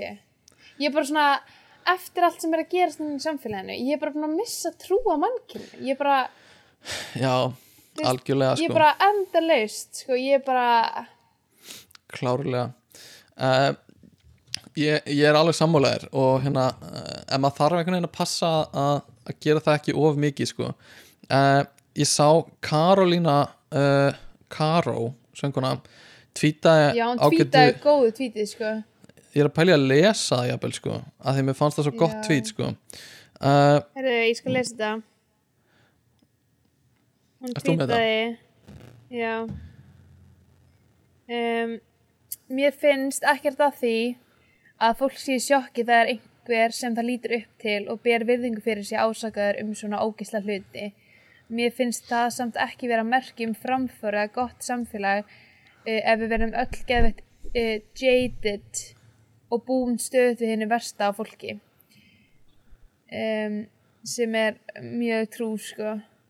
Mm og svo segir hún og það þarf ekki vera samasemmerki millir þess að vera í sjokki yfir ásökunum og að trúa ekki þólendum við erum mennsk og þurfum skiljanlega tíma til að meðtaka svona dót. Klálega. Og og, veist, sé Mhm. þetta er úrslega mikið fætt skilur, fólk er ekkert þú veist, fólk má þetta, þú veist, litli krakkar sem eru búin að vera þú veist, elska gilva skilur, bara, það er bara átrúna góðu þeirra skilur, já, þú veist, fólk Algjörlega. má vera leitt yfir því að sé klálega uh, er það bara ég eða hefur undanfari verið eitthvað svona ekstra mikið einhverju svona samfélagsmiðla bylgjum eða eitthvað í gangi? Þú veist, mér finnst bara eins og það sé alltaf eitthvað svona að taka við af öllu skiluru bara frá því núna, bara þessu ári. Eða Já. er ég að, þú veist, hefur þetta alltaf verið svona? Er ég bara að Nei. fylgjast með þess að Nei, ég þetta meina, ég held ertu að tala um, að tala um bara í þessar umræðu þá? Já, þú veist, sérstaklega bara það byrjaði hana með, með Sölva og svo fór það hún í, þú veist, Já. einhver aðra tónlistamenn og, og þú veist, en það svo er alltaf kemur alltaf í bylgjum. Já, og svo einhvern veginn onni uh, ný, nýjum í túbyltinguna kemur fríða nippul og, og eitthvað svona, þú veist ég veit ekki hvort það hefur alltaf verið svona eða hvort er eitthvað ekstra mikið núna. Um, Þetta er náttúrulega, ég er væntalega þegar umræðan fer á stað, þá fer umræðan líka á stað á milli einstaklinga og fólk er meira tilbúið að opna sig um Já. eitthvað þegar umræðan er í gangi. Já. en þetta ég er held að þetta sé mitt svona snjóbalta áhrif sko. klálega þú veist, að þetta um er- leið og einhver opna sig um kynfyrirsofbildi sem það er lendi í, þá hvetur það líka aðra stelpur þess að tala upp og þú veist og líka bara það að fólk tengir og vita að það sé ekki eitt skilur, það um leið alveg, algjörlega heyri sko, sögur annara þá náttúrulega bara algjörlega uppist að einhverjum styrk sko. mm og það er ógislega aðdánuvert að fylgjast með öllu, allri umræðinu og, og öllum svona uh, öllu hugræka fólkinu sem er að stiga fram. Þetta getur, og ég get samt alveg skilið að þetta, veist, þetta tekur á ógislega mikið. Þú veist, að vera alltaf að fylgjast með einhverju svona nýju sem er að koma upp og, og hérna þú veist, þú færð alveg svona smá ég er að gefast upp á mannkynnu sko, tilfinningu einhvern veginn við, að- við að lesa og fylgjast með þessu öllu sko. Uh, Þess vegna veist, ég, það er bara svo erfitt að því að þú veist, eins og við erum að tala um áðan með kungufjölskylduna að þú veist, fólk hefur alltaf í gegnum tíðina átt eitthvað svona átt einhverja fyrirmyndir, já, en þessar fyrirmyndir eru myndað bara á einhverju feik bulli, skilur ég klálega, klálega, ekkert hvernig manneskin er og svo, veist, klálega eins og, já, bara svo höldum áfram með þessu umræðu, þú veist, eins og bara ég held, að, ég held áfram, þessi konusfjölskylda ég held að hún sé smá, smá svona sorry og þú veist, eins og bara uh, eins og hana, hvað heitir hann? Þessi sem var Epstein vinnurinn hana, sem er bróðir bróðir uh, Kalla. Já, uh, já, ég veit um. sem er hérna Andrew. bara var, já, Andrew sem verðist bara hafa verið að já, sofa hjá ungum, ungu, ungu fólki og eitthvað svona bara þú veist, þetta er eitthvað svona, maður er búin að byggja upp einhverju svona uh, einhverju svona bara goða ímyndir af einhverju fólki og þessari fjölskyldu uh, margir í Breitlandi og svo, þú veist svo er þetta bara menn og menn eru bara, geta verið ógíslegir sko eða, já, mannkynnið sko Já. um, já en En hérna það er spurning hvort það sé, hvort það sé sko, er á fólki yfir höfuð aldrei, er þetta mannlegt eðli hjá okkur í fyrsta legi, að horfa alltaf upp til einhvers og sjá eitthvað sem Já. fyrirmynd er, eigum við ekki að hafa fyrirmyndir, eða er máli bara hvernig við tökum við því ef að fyrirmyndir okkar bregst skiljið hvað við Já, já, ég veit það ekki sko uh, ma Já, maður er einhvern veginn Þú bara veist, ég held að brenndur sé eftir mannlegt eðli að, að hafa fyrirmyndir þú veist, ég held að að fólk hafi alltaf haft fyrirmyndir af því að þú veist, þannig Mm. mm. betrum bætum maður sjálfan sig til dæmis Klárlega. og þú veist Já, þannig það er raunin sumir- ekki, ekki maður, já, er ekkert, Ég veit það ekki. En svo er hægt að fara með svolítið út í öfgar eins og Norður Kórea. Þú veist, þá er, veist, þá er einræðisherran líka bara, þú veist, guð, skilur og á bara að vera tilbyðin og, og hérna, þú veist, hann er bara ekki mannlegur hann kúkar ekki. Og þú veist, hann fyrir allar hólur í höggi í golfi og eitthvað svona, þú veist, þú getur alveg farið yfir strikið. Og, og þú mátt ekki ekki elskan, skilur eitthvað svona dæmi. Uh, en Gummi, varst þú með þú veist, sko eins og í gamla daga. Já, þú veist, þú veist, ég er að pæla bara þú veist, eins og í gamla daga það var fólk að tilbyða guði, skilur, sem voru ekki til. Og það var svona þeirra fyrirmyndir og hjálpuði þeim í lífinu, skilur en núna er það svo auðvelt að eignast fyrirmyndir sem maður þekkir ekki neitt og er neður sem manneskja, skilur sem gerir mistur Já. og gerir einhver ógstlega hluti. Þannig að þetta er Þetta líka gæti- svona algjörlega. Þetta gæti það er líka smá real- sko. Þetta gæti tengst þetta er sko, við höfum einhverja svona þörf fyrir það að trúa á eitthvað aðra en við sjálf. Þú veist, mm með trúabrögð og svona. Og gæti verið einhver svona svipuð svipaðar ættlegur sem, sem svona lætur okkur einhvern veginn, eh, einhver svona varpa einhver svona fullkomlunar mynd á, á bara aðra mennska einstaklinga eins og kongafólk eða leikara sem eru mjög frægir bara allt frægt fólk og hérna íþróttafólk og eitthvað svona ég held að, ég held að sé alveg svona veist ekki í sami hluturinn, ég held að sé alveg svona tengdar svona hneiðir hjá mannkynnu að, að þú veist, trúabröð og einhver svona eitthvað svona tilbyðja einhverjar eitthvað fólk sko. Ég mm, held að sé alveg svona partur af því sem margir þurfa sko. Um, en, en hérna Gummi, varst þú með eitthvað svona, getur þú aðeins útskýrt hvað er í gangi með Harry og, og Meghan Markle já, að því ég er ekki Sko- alveg nógu vel inn í sko. Nei við erum náttúrulega svo relevant hérna í podcastinu að við tölum um svona hluti. Já, um leiður gerast. Klárlega. Um leiðu að gerast, klárlega. Við erum ekki tveimur sko- árum eftir. Nei. Nei, en já, ég tók bara svona smá var bara svona, ég ég ákvað að lesa í gegnum svona bara allt já, sem hefði gerst. Já, okay. Og ég svona eiginlega konstaði eftir að lesa í gegnum þetta að Mm. þú veist, þetta er rosalega svona þetta er svona eins og ómerkir eftir yfirildi sem allt og margir eru hluti af. Já, Og þú veit- já. það gerist ekkit eitthvað mikið. Og þú veist, mhm, já ok förum bara svona, ég ætla að fara hrætt í gegnum þetta og þannig að áttu ykkur á því hvað er lítið að frétta þarna. Er þetta ekki bara smá svona rifrildi sem gerist á jólunum hjá einhverjum fjölskyldum eða eitthvað svona og það er bara, Jú. það er bara allir að fylgjast svo vel með að þetta verður einhvern veginn off-hypað já. Og þetta er unni byrja sko í einhverjum monopoly leik, sorry. Þetta byrjar í einhverjum svona monopoly leik einhvers staðar. Já, einmitt sko, en þetta er svona sko þetta er skrítið, en þetta byrjar á því að þau segja semast í janúar 2020 já, pælum í því að þetta er, er langt síðan sko, já, nú er komið eitt og hálft ár síðan. Um, að þau tilkynna að þau ætla að láta störfi með konungsfjölskylduna og vinna sig í átt að því að vera financially independent sko, Já, já, þetta er eitthvað sem ég finnst já, aðeins, svona trubla með aðeins að þau Já. ætla að vinna sig í átt að Mhm. því að vera Já. financially independent Meghan Markle, Líka- er búin að leika í sko Já. fullt af sútserjum en að segja Já. bara hún geti ekki verið financially independent Já, þau vilja ekki gera strax sko Þau vilja aðeins fá tíma til að vinna sér Já. upp í það sko Já, þetta er, að vinna sig í átt frá því átt að því Mhm. en allavega og segja bara að þau finna fyrir litlum stuðning uh, Já. pappi Megan verður vonsvíkin út í Megan fyrir þessa ákvörðun systir Megan er í sjokki prins William þetta finnst sko en Þetta byrjar alveg þetta byrjar löngu fyrir, fyrir þetta sko. Já, þú veist, þetta, þetta bíf byrjar eiginlega bara um leið hjá eins og Meghan Markle þegar þau bara kynnast og giftast skilju, já. Þú veist, Svo þetta er fólk að- kynnast. Svo að fólk að draga einhver svona líkingar við Díanu prinsessu að að Já. Megan sé svo mikil Díana og eitthvað svona.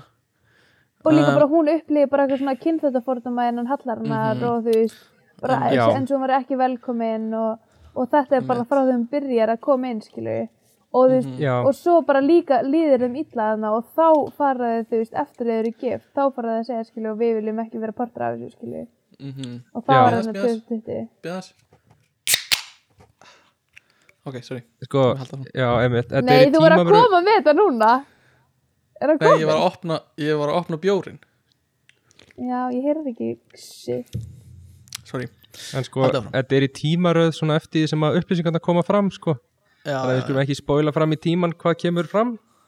Ó, Júlia, spoiler alert.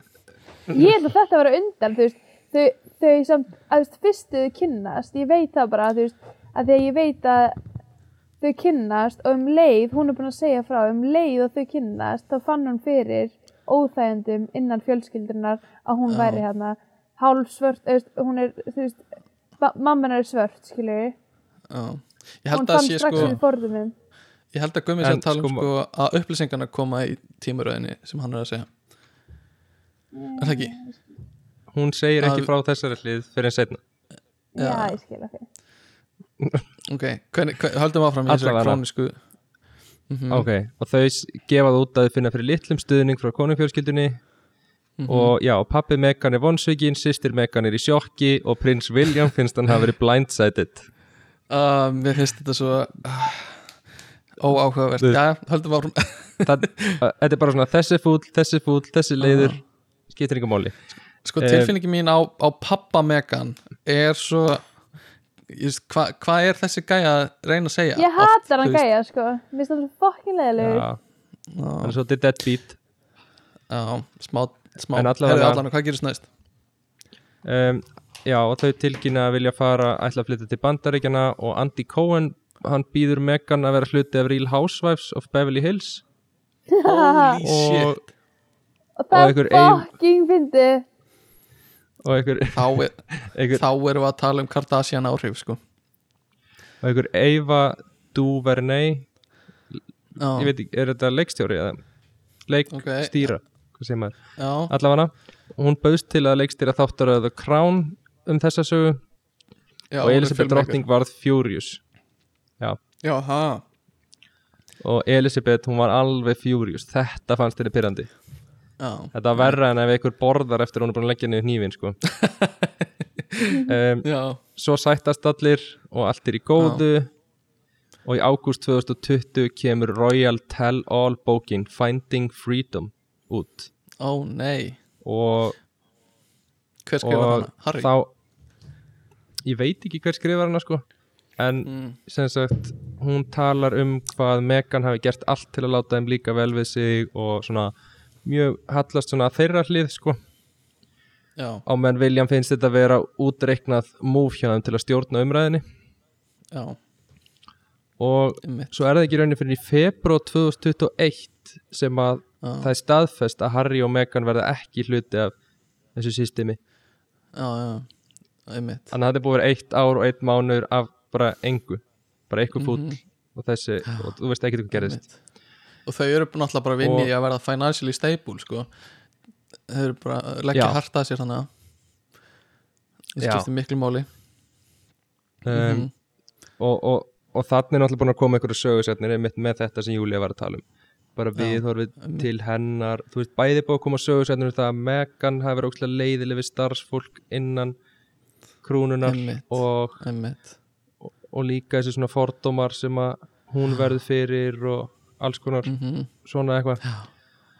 Og þau koma svo um, í mars núna og tala við óperu. Já, og þá mín. kemur rosa mikið þá kemur rosa mikið fram sko. Og einmitt. það sem er alltaf mjög mikið eftir því viðtali er kenningin um það hvort ópera hafi verið með öklaband að við sé það? Nei, er ég- eins og hún væri stofufangilsi já og kom What þess the eftir viðtalið það var einhver sem að virðist sjá öklaband á óperu og þá fór Oh að sögursagnir um að hún hafi verið handtekinn fyrir sko human trafficking what? þetta er Já. einhverjar Ha? þetta er einhverjar samsæðiskenningar sko Og er eitthvað bak við þetta? Aðtöðu er þetta? Já, það er ekkert að baka við þetta sko En allavega mjög fyndin, mjög fyndin kenning um þetta En Mm. þá gefur einmitt þetta í ljós og þau tala um hérna uh, svona bæði tala um að þau hafi verið eiga við andli vandamál og eitthvað svoleiðis Já. og Megan þeirri leið illa og meðgöngu og eitthvað svona að það hafi verið í rauninni engin hjálp og fólk hafi alltaf svaraði með bara, þetta er bara svona það er ekkert að gera í þessu. og þú verður bara að fylgja reglunum. Og svona og talar um að rasismi í Bretlandi hafi líka verið ástæðan Já. en það að fólk hafi verið að velta fyrir sér hvernig húðliturinn á Archie barninu þeirra, já, já, einmitt, einmitt. heitir hann ekki Archie eða, held að. Jú, hann er þetta já, og hérna og svo haldaði líka fram með að Harry vil meina að sko bróði sinn Vilhjálmur og Karl pappans. Já, um, að, þe að þeir séu fastir í konungstæminu og hann er svona í vonbriðum og hann er svona ósáttur út í þá vil meina að þetta sé já, Mm, þeir vilja ekki heldur vera þarna og eitthvað, en þú eru Já, bara ekki að taka þetta skref sem hann tekur. Um, og síðan þetta viðtal var hefur drottningin bara verið á einhverjum kræsisfundum segir sagan. einmitt. Bara endalust um afköstin af þessu. Í alvörinni og þeir talast ekki við bræðurnir og mm, eitthvað svona alls konar alls konar, bara, það er alls konar bara svona pælingar. Bara hvernig, veist, hvernig þeirra samband sé á milli og öll þessi Mhm. saga er bara eitthvað svona kemur eitthvað upp að þessi sé ósáttur út í þennan. Þessi Já, talast já. ekki saman og mhm, ég svona þau eru alltaf að koma fram síðan eftir þetta og þau eru alltaf svona að styðja þú veist, öllum þykir væntum Megan og Harry í konungsfjölskyldunni. Já, uh, og þau segja, Megan og Harry segja þú veist, já og við ennþá berum fulla virðingu fyrir drottningunni og allt svona, Mm. þú veist. Einmitt, ég held bara að viti Já, eitthvað en- en engin hvað er að gerast á baka tjöldin. Einmitt. Og einmitt, Er þetta eins og Þeir þú séu svona þú veist, í ástarsambandi svona of miklar tilfinningar og þú nær ekki að sleppa og þetta er svona uh, svona svona skrítið dýnamík að baka þessu fjölskyldi já já, og líka eitthvað svona vera að tala um að Harry sé hann sé svo tilfinninganæmur og letur tilfinningan að ráða en Vilhjálmur er svona þögull og rökréttur og eitthvað svona Já. fólk að pæli bara, þetta er svona eins og eitthvað verður bara að greina einmitt, svo er einhver Hvað segirðu? kenning um að Harry sé Harry sé sko ekki ekki sonur prinsins heldur einhvers, Já. einhvers annars sem vann hjá fjölskyldunni og og var rauðhærður og Díana átti að hafa átti ástasambandi við eitthvað. Þannig svo öðruvísi heldur en heldur en hinn í fjölskyldunni. Já, en, einmitt ég, en já, ég býtu, ég ætla að klára þetta hérna. Já, allavega þeir sagt núna í apríl þá hittast þeir og við blessunulega síð þá sjást þeir standa hlið við hlið og þeir voru að tala saman Mm. og það var fenginn sérfræðingur í líkams tjáningu til að greina Oh hvernig þeir voru að haga sér. fucking god. og ég get sagt ykkur það að hún vil meina að þeir hafi aðeins hallað sér í átt til hvers annars sem bendi til þess að samband þeirra sé ennþá í lægi Guð minn Já, almáttugur. það Já, það er nú já. gott ha, Uh, þetta, já, það er nú gott að þeir sé ennþá uh, ennþá bræður. Uh, sko, þetta var hérna har, Harry og ætlar bara ætlar bara að kötta á þetta núna? Á, ertu ekki búinn? Nei, Hvað er með, með meira? já. Get, get Hann beðið. talar um að erfitt að alast upp í konusfjölskyldinni hann lýsir því sem blöndu af The Truman Show og dýragarði. Alast upp var Ég, ég get trúið því. Ég get ímyndum mér það. Og hann talar um að uppeldi frá föðu sínum hafi verið slæmt og hann hafi notað slæmar aðferðir. Pappans verið brjálaður út í það. Hann sé að draga hann drag him through the mud Já. og, um, og Harry tilkynnti síðan að hann er að fara að út bók. Emmitt, þannig að þetta er, Það- þetta er Það stórt verður einhver negla. Já, það verður negla sko. Uh, en svo bara eitt, eitt slúður. Já. bara hot slúður. Já, það er sem sagt sko það er að skallablettur prins Harry hefur tvöfaldast síðan hann flutti til bandaríkjana shit og Megan Markle er að pressa á hann að fara í hárigræslu Oh Nei, my. Það er fucking crazy sko. Stóra bræður málið, eru sko. þá bræður, alveg bræður sko. Það verðist vera. Um, Já, þetta þetta var sagan af Harry og, og Megan Markle. Þetta er Um, um, skemmtilegt, þau eru eitthvað Haldið þau séu ástfangin? Þú veist Já, já, alveg eins. Ég veit ekki þess að er eftir að segja með svona. Uh, En Það er mjög mikið af- kon, það er mjög mikið af samsæriskenningum um líka þau. Já, mikið, mikið til. Uh, Og það er alveg fullt af samsæðiskenningum um að Díana náttúrulega hafi verið dreppinn og, og meira svo leis en, en það er alveg annar pakki úti fyrir sig. Uh, Sko, það er náttúrulega í Breitlandi er líka þú veist, konungsfjölskyldan er hjúts og það eru allir einhvern veginn dúks og, og hérna eitthvað svona partur af henni og eiga kastala út um allt og þú veist, þau eiga einhver sumarhús þessi fjölskylda hana sem þau eru bara í og það er einhver hjúts kastali. Og mér skilst víst að, að hérna þegar hann var á, á lífi hérna uh, prins hvað, Philip hérna eiginmaðurinn þú veist, þá hafi hann aldrei verið með Elspethu, skilur, hún var alltaf bara ein og hann var einhvers þar einhvers þar út á landi og hérna, þú veist, bara gera eitthvað gera sitt át og var ekki hjá henni, sko. henni. Nei, sagan segir það sko. Um, það, er víst, það er víst þannig sko. Um, en hérna við erum náttúrulega aðalega búin að tala bara um sko bresku konusfjölskylduna uh, en það er náttúrulega við hefðum getað að tala um dönsku og sænsku og eitthvað svona. En hvað finnst ykkur um að, að Ísland gangi bara aftur inn í konusríki Danmörkur það er náttúrulega eitthvað sem við nefndum ekki áðan til að fá konung á Íslandi fara til keðjureikingar konunnar. Já, ég held að við ættum að sleppa þið bara. Nei, hvað heitir hún áttur? Já, Magga, Magga mín. Magga. Magga Queen. Já, reykir eins og strómpur Jú, skilst mér, jú Hún Já, er fín.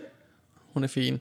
Uh, Sko, uh, ef við klárum hérna bara í lokin uh, að reit, ef við reytum bara breska konusfjölskylduna bara gefum henni bókstafsenganir þannig að hvað fær prins Philip í einhver frá okkur sem er nýlátin Getu, getum við er A, B eða C? Já, eða D F. og F. Já, D og F. Ok, prins Philip, það er elsti gæinn sem er alveg fræðilegur Ég ætla að gefa honum F. F, hvað finnst ykkur um drottninguna? Ég ætla alveg að gefa henni alveg svona alveg svona Hún er A. A. A, guð minn Já. almáttugur. Já, Ok, ég, ég gef henni Sko ég það segja þér, í henni í þessu krán þá er Já. hún sko geggju típa Er það? Já, hún Ok. okay. alveg að vera alveg mjög góð kona sko Ok, ég, ok, ég gef henni B það var einmitt sko, hér- það var það var hérna kenning um það að drottningin sko hefði látist og já, það hefði verið fengin sem sagt lítill strákur sem leit út eins og hún til að Já. halda áfram að vera hún því að því það var ekki, fólk keifti það ekki að hún geti verið kona og svona ógislega góður stjórnandi. Oh my god. Það er áhugavert. Fælega þessi Og þessu, er fólk og er trúði þetta ennþá frekar bara á að það verið ég veist bara hann bara varð eldri og er bara síðan ég veit ekki, einhverju gerfi bara í einhverju gerfi uh, Hvað finnst okkur um Kalla? Kalla hérna Eh. Charles, prins Charles sem verður aldrei kongur Er næstur? Sko hann er hann er ég ætla að gefa honum hérna A fyrir effort. A fyrir effort. Veitu, ég held að ég Og- sé að ruggla saman. Veitu, sko ég, nei, Philip er góður kall það er gönda maður hennar Elisabetu hann er góður. En Karl hann er algjör dús. Sonur Elisabetu er það Já. Karl? Kalli. ég Hann var að ruggla ég var að ruggla ég er að gefa honum F, ég er ekki að gefa Philip F. Nei, Kalli fær D Philip en á að vera góður kall Kall, nei, sko, Charles, prinsinn sem verður aldrei Já. kongur hann er, hann er fær, algjör ógeð. Nei, já, hann fær D en bróður hans Andrew, hann fær F sko. já, og, og hérna svo er prins William sem er ætti að taka við af pappa sínum Charles ef að Kalli verður einhvern tíma kongur hann ég fær finnst hann alveg flottur. Ég ætla ok, að gefa honum B. Ok, hann fær B og, en Harry bróður hans. Ég ég fæ svona smá vond væp frá Harry. Aha. Ok, ég Harry fær ekki. sé Harry fær sé Harry er samt alveg B. Ég held að þeir séu bara saman í B-inu. Ok, en hvað fær litli prins George sem ætti svo að taka við hann fær bara A af því hann er, hann er, hann er hann er lítill og sætur en þá Ok. Ok, þetta það er fínt að að hérna uh, já, reytum þá kannski ekkert meira. Megan. Ég veit ekki, hún var ágætt í suits. Ég gef henni kannski sé hún er alveg A hún er, hún er hellu í súts ok, ok, hún fær A. Uh, ok. Mér langar að klára á hérna bara smá hraðaspurningu fyrir ykkur uh, þegar við til að klára þetta. Uh, þannig að uh, ég spyr ykkur að spurningum og þið svarið bara sitt á hvað. Þannig að fyrst svarar Júlia og svo svarar Gummi næstu og svo framvegis. Ok, ok, bara eins rætt að þau getið. Ok. Ok Júlia Ef þú fengir sagt, dauðadóm hvað verður síðasta máltíðin?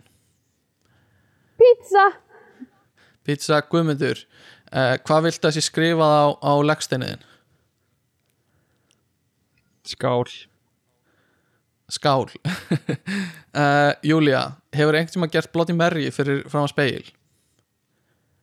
ég man ekki hvað það er.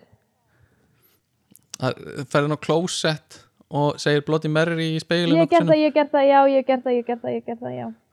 Var það spooky? það var ógstæð Uh, Gummi, mynduru uh, fara og sofa í haunted húsi, draugahúsi fyrir miljón uh, Já. Uh, ok uh, ég ætla að svara þessu, ég myndi ekki gera það. Ok uh, Júlia uh, mynduru vilja vita hvernig þú dyrð nei, og uh, Guðmundur uh, hvernig hérna uh, uh, hvað hva viltu að síðasta orðin séu?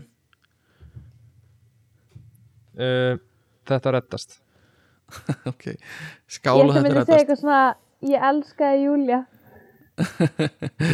uh, ok, og síðasta spurning Júlia, ef þú getur hérna, ef þú þurftir að tjoppa af ein, líkamsluta, hvað væri það? og ekki tá eða fingur? Ó, ég ætla að vera að segja táið að fingur. Hmm.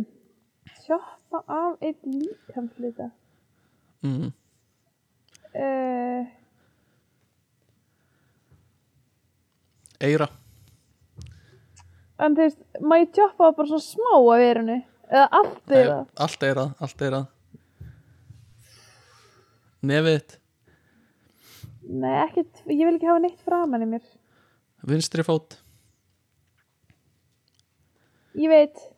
Já. Brjó, annað brjósti og fá gerfubrjóst í staðin alright, fíla uh, þannig að við kannski fyrir bara að slá botni í hann þátt. Uh, ég veit ekki alveg hvað ég finnst hvort mér fannst, jú, já, það gekk allt í lagi. Uh, gíslega neikvæður. Hérna uh, hafið þetta var samband flott. Já, þetta var flott hafið mér samband fannst þetta mjög skemmtilega þáttur. Já. Uh, senda okkur post á ekkert að frétta at gmail.com eða Instagram. Addi, followðu okkur á Instagram. Followðu líka mig á Instagram. Já, fólöðu Júlíu sig á Instagram. Heiti Júlia já, Sif. Þannig að, að hérna bara takk fyrir að hlusta. Er eitthvað sem þið viljið klára á, krakkar? Bara thank you very much. Alright, bye love you Bye.